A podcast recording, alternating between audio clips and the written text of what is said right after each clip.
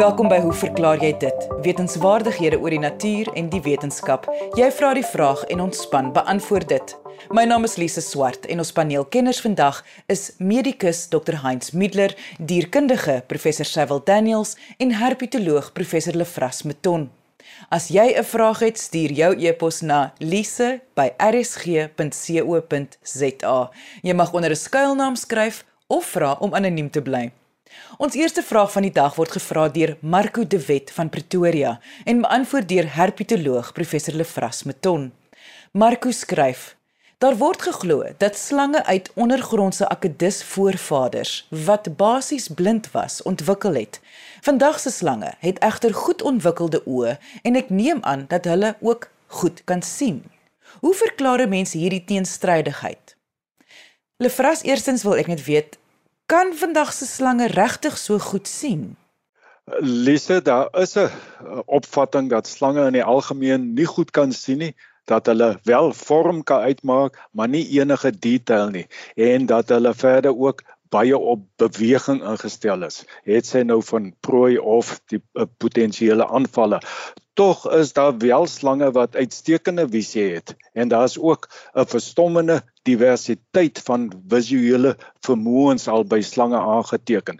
So Miskien moet ons eerder gaan kyk hoe die oë van die primitiefste slange wat vandag nog lewe lyk. Moderne slange, dit wil sê slange wat nou vandag lewe, word in twee hoofgroepe opgedeel. Aan die een kant kry ons die sogenaamde Scolicophidia wat nou die draadslangetjies van die familie Leptotyphlopidae en die blinde slange van die familie Typhlopidae insluit. Aan die ander kant kry ons die gevorderde slange, die sogenaamde Alethinophidia wat ook al ons bekende slange insluit.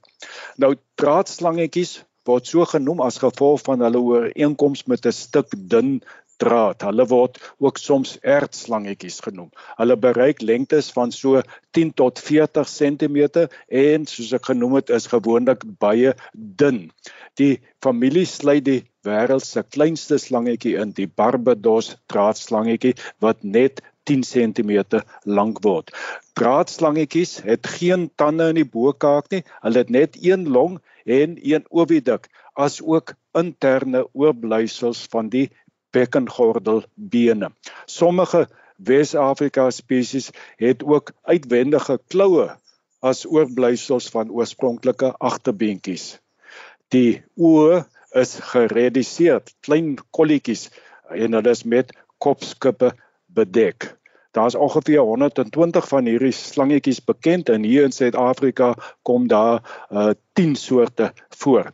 Die blind blinde slange aan die ander kant is 'n kosmopolitaanse groep van oor die 250 spesies met sewe spesies dan nou hier in Suid-Afrika. Die meeste blinde slange is klein slangetjies, maar in die noordooste van ons land kom daar twee soorte voor wat tot 'n meter lank kan word. Net soos die draadslangetjies het blinde slange ook gereduseerde oë wat met skubbe bedek is. So Beteken dit nou dat hierdie slangetjies met hul klein gereduseerde oogies die voorvaders van die gevorderde slange is? Dan sou oomos weer van voor af moes ontwikkel het. Die Scolicophidia, dis nou die draad en blinde slangetjies wat ons nou oor gepraat het, word inderdaad gesien as verteenwoordigend van die voorvaderlike toestand vir slange. Daar's vandag baie akedisse wat ondergronds lewe en waarvan baie van hulle dan nou tipiese slankkenmerke vertoon, soos byvoorbeeld 'n verlengde ronde lyf met 'n kort stert, gereduseerde of afwesige ledemate en gordelbene, oë wat verskeie grade van reduksie vertoon, net soos wat te sien is by die primitiewe draadslangetjies en blinde slange, versmelte boonste en onderste ooglede om 'n deursigtige vellaag oor die oog te vorm en laastens die afwesigheid van uitwendige ooropeninge. Nou gegeewe hierdie tipiese slangkenmerke wat grawende akedisse vertoon, word daar aangevoer dat slange uit so 'n grawende akedus spesies sou ontstaan het en toe later weer sekondêr na 'n boergrondse lewe teruggekeer het. Behalwe vir die afwesigheid van ooglede blyk die oë van moderne slange wat boogronds lewe egter redelik goed ontwikkel te wees soos Marco dan ook in sy skrywe noem en skep dit nie die indruk van 'n vroeëre ondergrondse bestaan nie. Wanneer 'n mens egter die anatomie van 'n slang se oog met die van 'n akedissin vergelyk is daar ekstreme strukturele en funksionele verskille te sien wat impliseer dat die oë van slange dramaties verander is met hul ontwikkeling uit akedus voorvaders. Die mees substansiële verskille het betrekking op daardie strukture direk gemoeid met fokusering van 'n beeld op die retina. Slange fokus deur 'n bolvormige lens vorentoe of agtertoe te skuif deur met vergrote irispiere druk op die vitreale liggaam van die oog uit te oefen. By akedisse egter Net soos by ander reptiele voëls en soogdiere word die vorm van die lens verander met behulp van sterk ciliaspiere wat aan benige elemente in die sklera uh, geanker is. Die lens word nie vorentoe of agtertoe beweeg soos by slange nie. Beide die ciliaspiere en die benige elemente in die sklera is afwesig by slange. Nou een ooglopende verklaring hiervoor is dat tydens die ondergrondse fase in slange se evolusie hulle in die swak ligomgewing daardie tipiese akedusmeganisme vir presisie beeldfokusering verloor het en dan nou na die hierdie funksionele en strukturele die generasie van hulle oë het slange dan in in die ligryke boogrondse habitatte uh, begin woon en sou toe 'n totaal verskillende fokuseermeganisme deur evolusie ontwikkel het. Is dit nou 'n gegewe dat slange uitgrawende akedisse ontwikkel het of is daar ander teorieë hieroor? Lise, daar is heelwat fossiele getuienis vir 'n moontlike marine ontstaan van slange, uh wel uit 'n groep akedisse verwant aan ons hedendaagse likkewane. Die akedis voorvaders sou dan nou in die integriteit sone en ook dieper in die see gevoed het en dan met die tyd by marine omstandighede aangepas geraak het. Net soos in sand of in grond sou die goedkoopste manier van beweging in water sywaartse kronkel beweging wees. Die oë van slange toon in, in, in inderdaad interessante ooreenkomste met die van waterlewende werweldiere. Primitiewe waterlewende diere soos visse en amfibieë het net so slange 'n rigiede bolvormige lens wat deur beweging vorentoe of agtertoe gefokuseer word. Werweldiere wat sekondêr waterlewend geword het, insluitende soogdiere en voëls, het ook meer bolvormige lense as verwantes wat op land leef. Walvisse fokuseer deur die voorwaartse beweging van die lens. So die verskille tussen die oë van slange en akedisse kan dus ook deur 'n marine ontstaan verklaar word.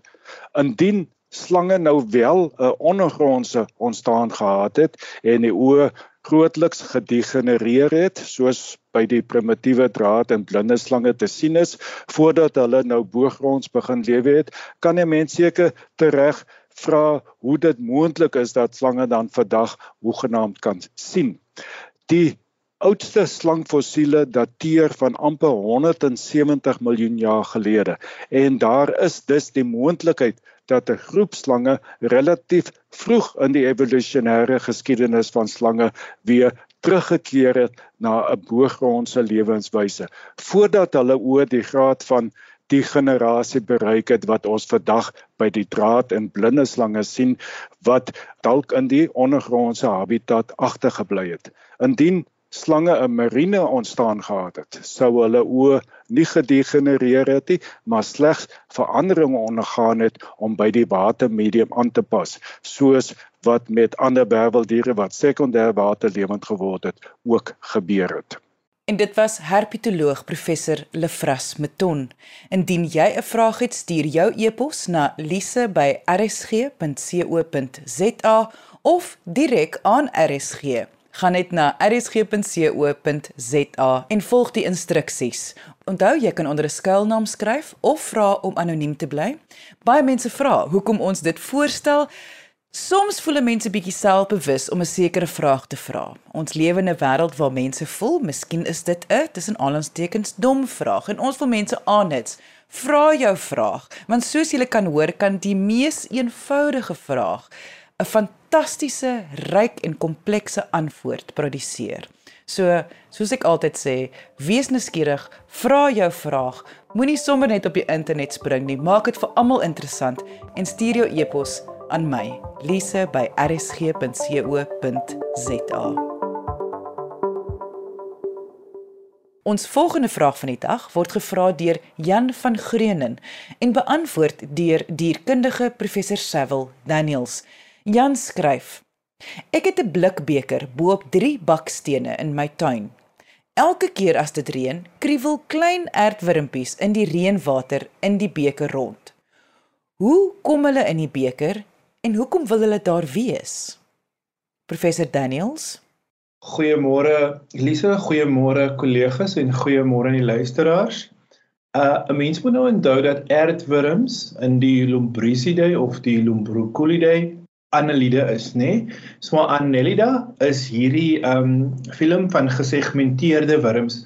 Uit 'n filogenetiese perspektief uit kry 'n mens drie hoofgroepe ehm um, wurms of diere wat wurmagtig is in hulle morfologie. Maar hierdie drie groepe is nie filogeneties na verwant aan mekaar nie. 'n Mens kry nou die platwurms of die die wurms wat dorsiventraal afgeplat is. Dit gaan nou die plathelminthes wees. Dan kry 'n mens um, ronde wurms wat ongesegmenteer is en hierdie gaan nou nematode wees en dan kry mens gesegmenteerde wurms waarvan die Annelida 'n voorbeeld dan nou die aardwurm sou wees.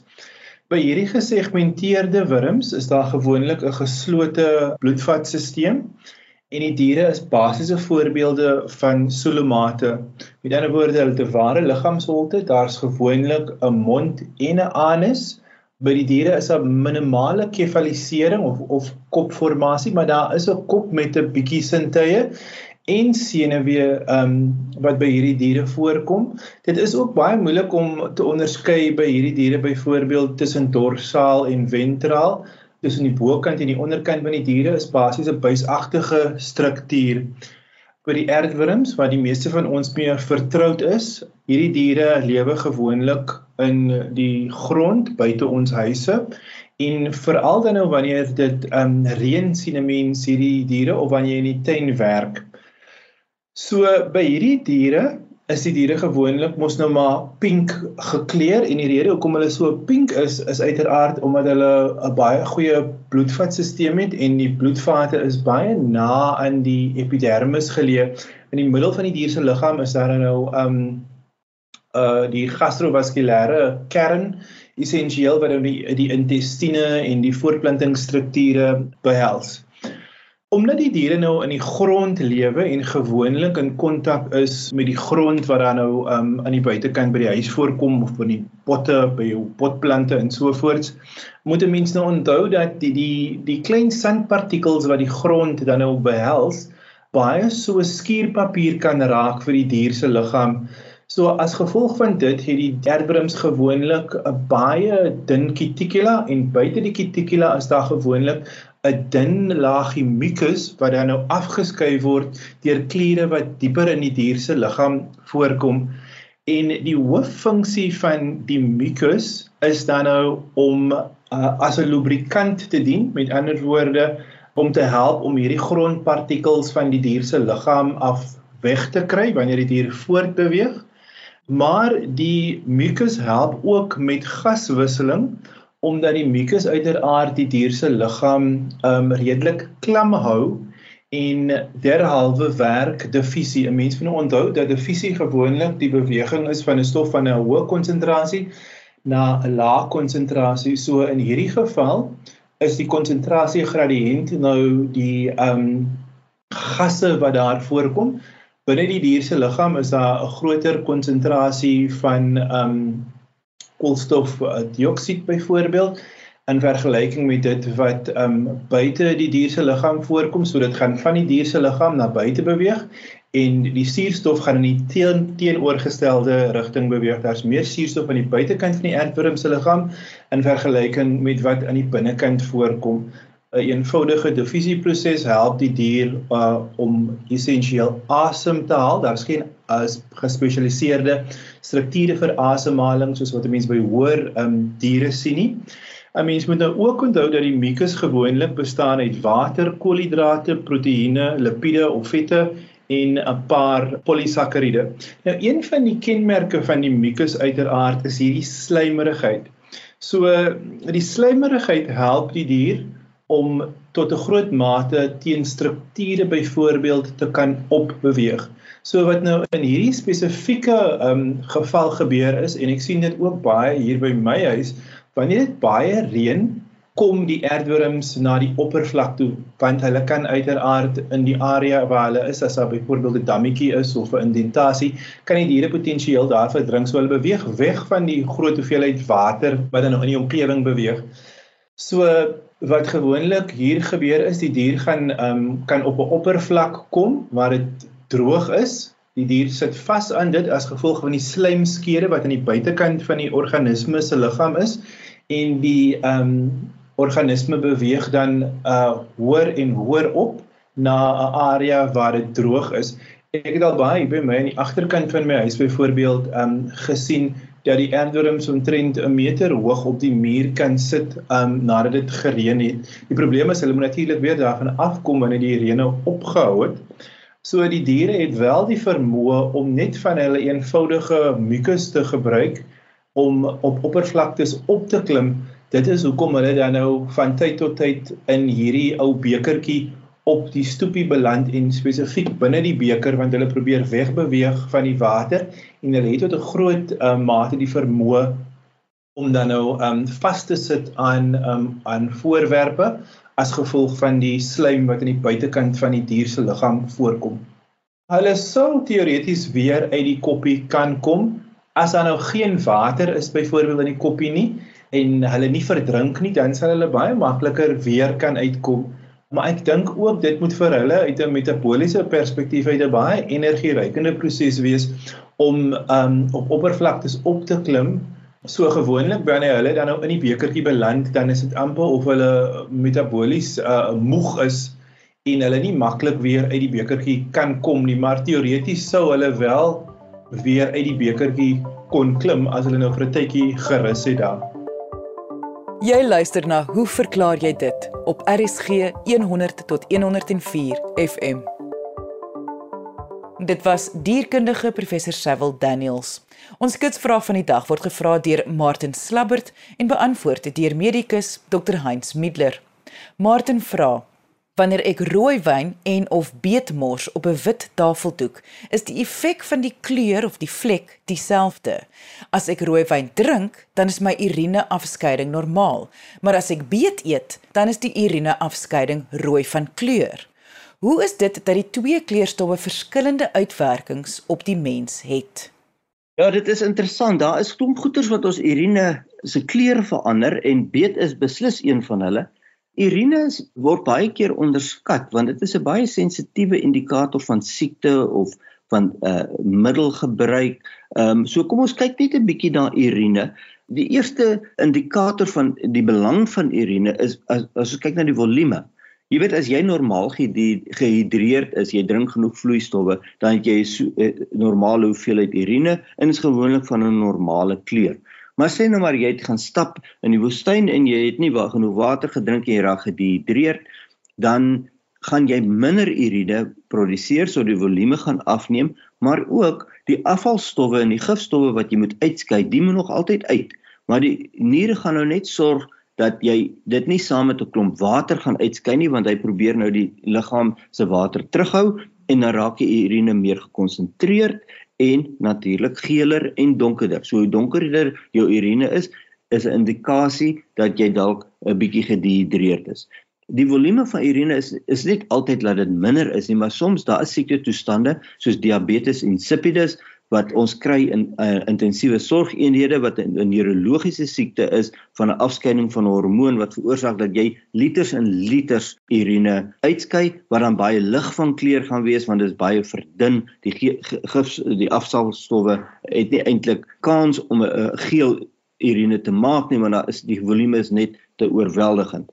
Dan die reuk van urine kan vir jou 'n idee gee van wat aangaan. Jy kan afvalstowwe, gifstowwe ry en 'n uh, bekende voorbeeld is mense wat asperges eet. Party mense het 'n ensiem wat asperges afbreek en ander het dit nie. Dit is hoekom party mense kan jy dadelik ry um, hulle het uh, uh, asperges geëet, waar ander kan jy dit agterkom nie. So die reuk kan ook vir jou uh, indikasie gee van wat aangaan. Maar wat ons oor praat is die kleur.